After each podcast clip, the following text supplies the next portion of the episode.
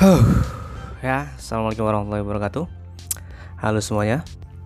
Memang harus tarik nafas dulu ya, karena kita kali ini ketemu lagi dengan persepsi lain dan kali ini kita akan bahas tentang hal-hal yang kayaknya agak nggak enak dikit ya. Makanya tadi harus harus tarik nafas dulu. Yaitu tentang penolakan. Ya, bisa jadi kita yang ditolak atau kita yang menolak gitu. Jadi gimana caranya di persepsi lain ini kita mandang itu biar jadi yang enak lah ya. ya biasanya kan yang berhubungan dengan menolak dan ditolak itu kan gak enak. Tapi gimana caranya kita bisa mandang itu dengan sesuatu hal yang enak gitu ya. Karena memang gue rasa sih uh, seumuran kita atau lebih tepatnya gue lah ya. Kayaknya udah masuk uh, di masa itu gitu. Di masa, di fase, di umur antara nolak atau nerima gitu. Maksudnya uh, ataupun juga nunggu jawaban mungkin gitu. Dan memberikan jawaban pastinya gitu dari permintaan atau penawaran seseorang gitu. Nah kayaknya kita udah sampai pada tahap itu di usia-usia seperti ini terutama yang seumuran sama gue gitu.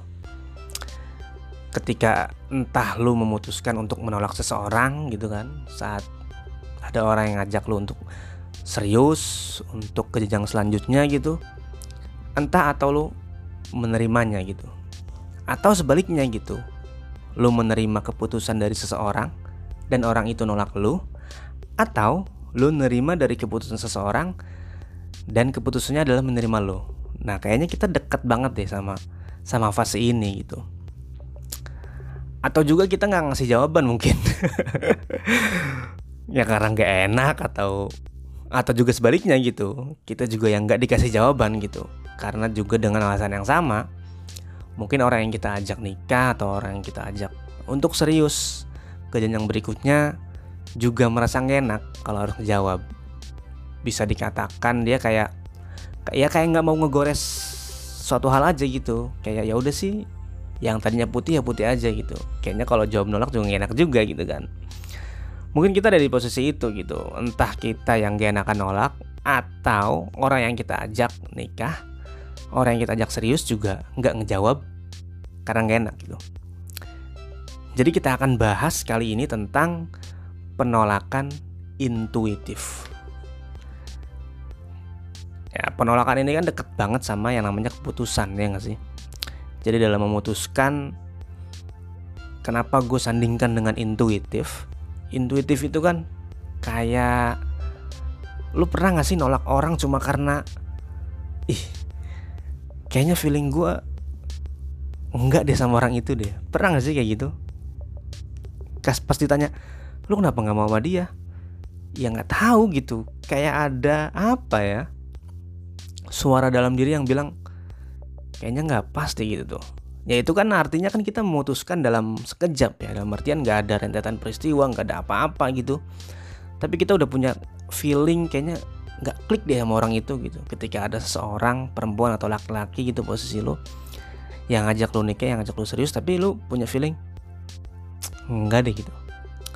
Nah maka eh, setelah gue cari, setelah gue cari Maksud gue eh, secara ilmiah segala macam kajiannya Nah gue nemuin Nggak nemuin juga sih ada di dalam keputusan itu yang disebut dengan yang disebut dengan snap judgment teman-teman.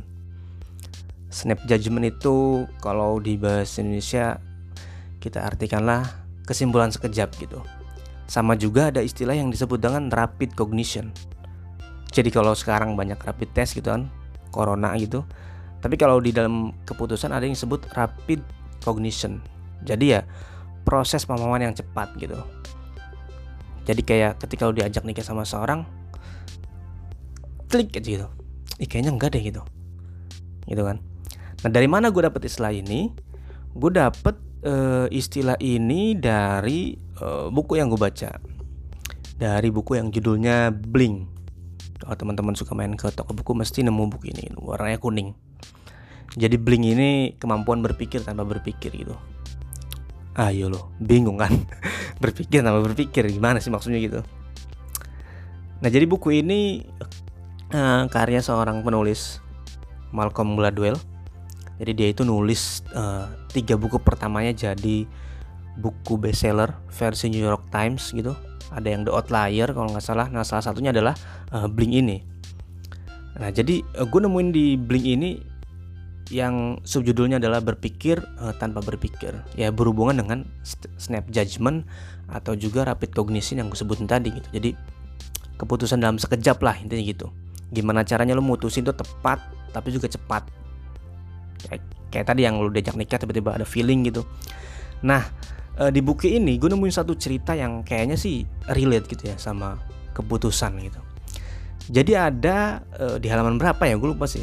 Tapi inget kisahnya gimana. Jadi singkat cerita ada seorang pelatih tenis, bukan bukan bulu tangkis tapi tenis gitu. Udah level dunia lah gitu. Nah namanya Vic Braden. Sorry lah kalau ada salah pronunciation ya. Pokoknya namanya Vic Braden gitu. Nah satu hari uh, dia pernah dalam sekejap uh, nonton pertandingan tenis gitu yang dilakukan oleh tentu aja atlet-atlet profesional.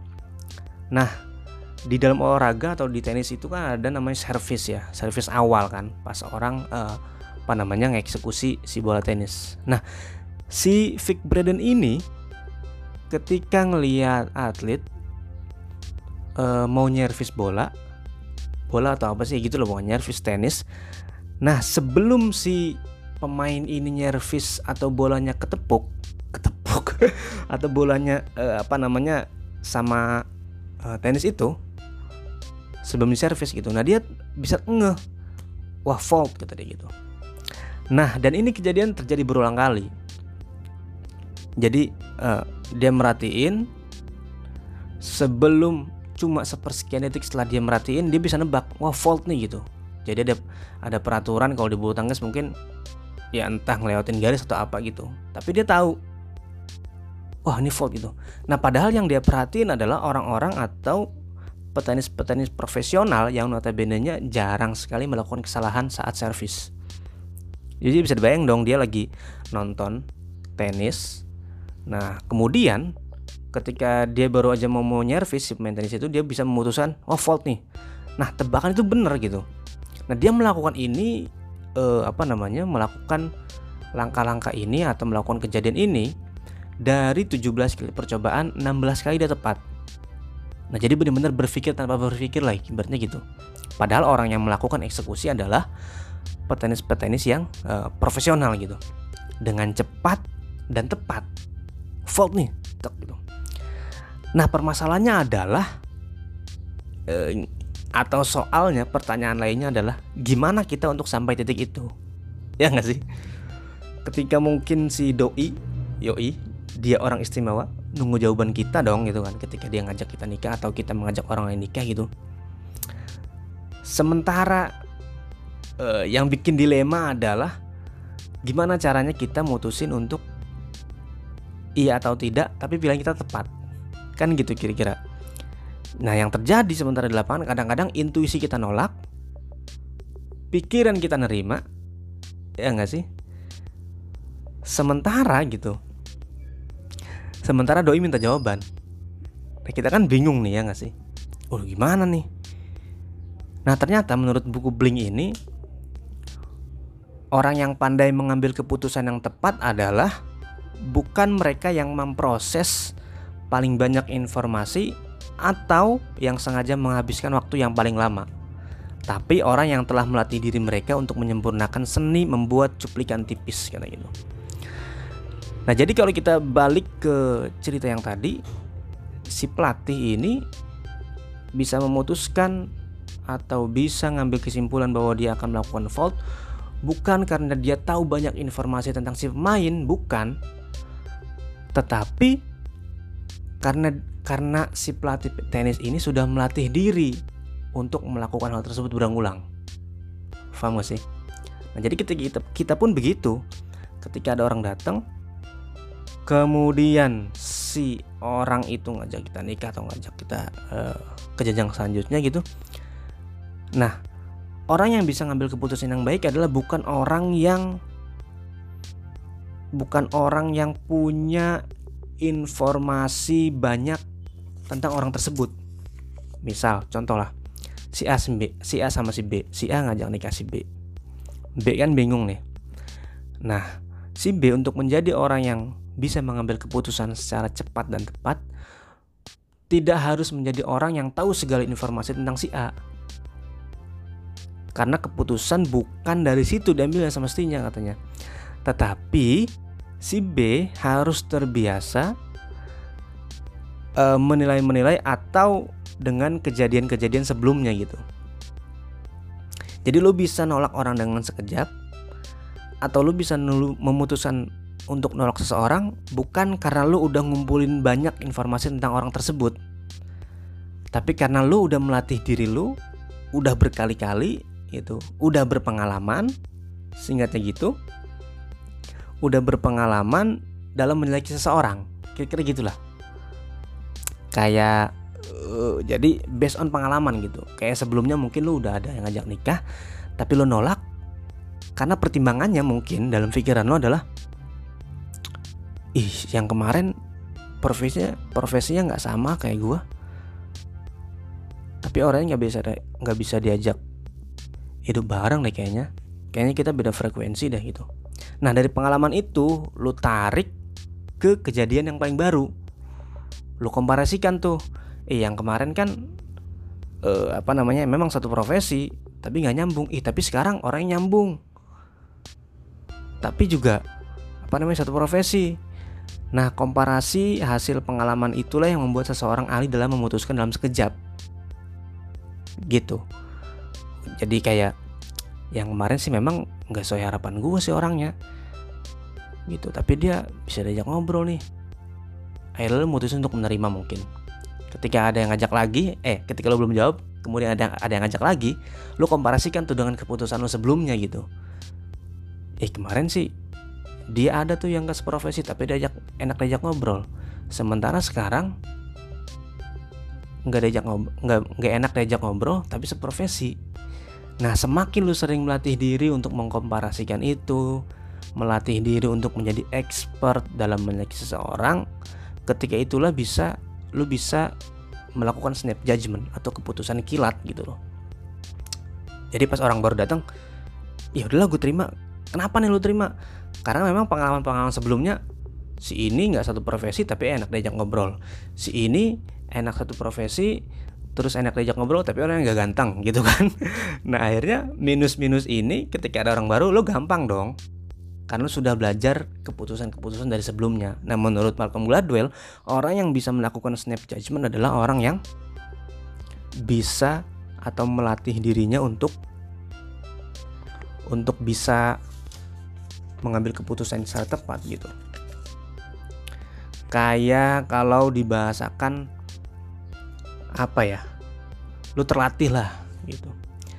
Jadi untuk gue ngasih pesan ya untuk diri gue sendiri sih gitu untuk sang penolak atau untuk yang ditolak gitu ya untuk lo yang mau nolak gitu menerima atau menolak karena kesan awal ya boleh-boleh aja sih gitu dalam artian ngikutin feeling tadi ngikutin intuisi tadi gitu. Tapi kan maksud gue first impression itu nggak nentuin. First impression itu kesan pertama itu nggak menentukan kan dia boleh datang dengan mobil apa apa namanya Rubicon misalkan datang dengan mobil sport yang lo impikan gitu. Itu kan kesan pertama tuh rapi ganteng. Memang first impression menentukan tapi ada kesan-kesan berikutnya lah ketika lo ngajak ngobrol ketika lo pertemuan pertama gimana jadi maksud gue untuk menolak awal lo harus melatih itu kemudian juga ada istilah menarik yang pengen gue bagi ketika lo mau mutusin untuk menolak seorang atau menerima seseorang adalah uh, kita harus bisa mendengarkan dengan mata, melihat dengan telinga. Bingung dah lo. Jadi mendengarkan dengan mata, gue ulangi lagi, mendengarkan dengan mata, kemudian uh, melihat dengan telinga. Kalau lo pernah ingat ada satu kompetisi musik di Indonesia, apa sih Racing Star kalau nggak salah ya, yang pakai tirai itu?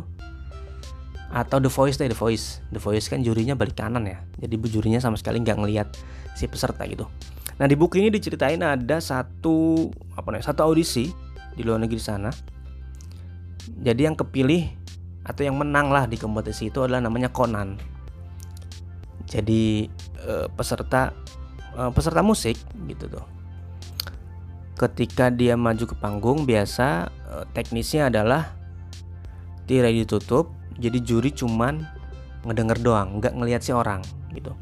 Nah kebetulan salah satu pesertanya adalah anak maestro kira-kira gitu. Nah di sinilah dibutuhkan snap judgment nah si Malcolm Gladwell mengistilahkan dengan melihat dengan telinga mendengar dengan mata karena tirai ditutup kan otomatis si juri nggak tahu dong yang dibalik tirai siapa gitu nah otomatis karena informasinya bocor, ada salah satu orang anak maestro yang ikut, otomatis penonton pada expect, pada ngarepin bahwa yang lolos adalah si uh, anak maestro ini. Ya nggak sih? Nah, tapi sementara teknis perlombaan ditutup, ditutup dengan tirai dong. Nah, akhirnya karena juri hanya mendengarkan kualitas lah ibaratnya gitu. Akhirnya yang lolos bukan si anak maestro. Yang lolos adalah yang tadi gue sebutin si Conan gitu.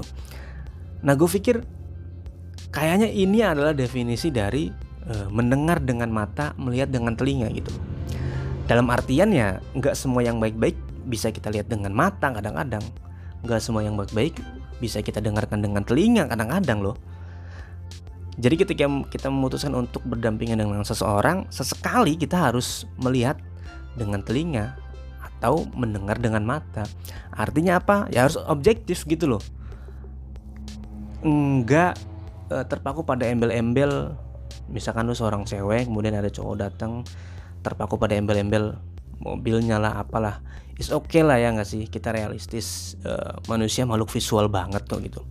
Siapa pun akan akan tanda petik terlena lah dengan apa yang dia lihat gitu tapi ini kan pertaruhannya adalah masa depan ya kan maksud gue Nah, coba aja seandainya kejadian yang terjadi di audisi itu, yang pakai tirai itu, kita gunakan di kehidupan nyata. Artinya ya jangan mentang-mentang profesinya sama segala macam lu dengan mudah nerima gitu. Ketika lu sudah objektif dan memang eh, tanpa embel-embel pun lu tetap sayang sama dia. Nah, itu baru lu menurut gue sih pas banget keputusan yang pas. Karena bisa dibayangin kalau lomba itu terjadi tanpa tirai, kemudian bocor ada salah satu anak seorang maestro kayaknya penilaian gak akan objektif ya nggak sih karena yang terjadi adalah si juri nggak mungkin menilai uh, berdasarkan melihat dengan telinga dan mendengar dengan mata nggak mungkin. Karena kan mestilah ada kecenderungan atau apa pun gitu. Tapi karena objektif tadi akhirnya tepat gitu. Menurut gue sih itu sih untuk uh, teman-teman atau gue sendirilah yang akan menolak atau menerima. Nah, untuk yang sekarang sedang meminta atau mengajukan proposal atau mengajukan permintaan untuk menikahi daman hatinya, untuk menarik perhatiannya adalah ya gunakan pesan kesan pertama sebaik-baiknya untuk memperhatikan atau untuk menarik perhatian lah katakanlah gitu. Tapi jangan lupa tetap pertahankan kesan itu di pertemuan kedua, ketiga dan seterusnya gitu.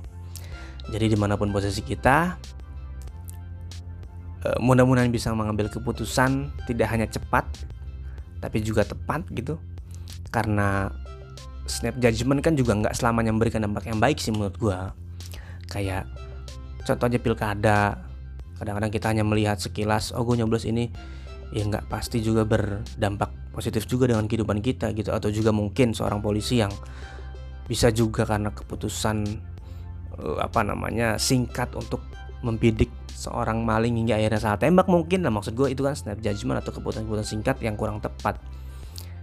Hingga akhirnya ya kita harus pintar-pintar melakukan snap judgment berpengalaman terus berlatih dan hingga akhirnya kita memutuskan atau bertemu dengan orang yang tepat. Jadi gitu aja. Mudah-mudahan kita dipertemukan dengan orang yang tepat. Gue Sofatil Amin persepsi lain dan see you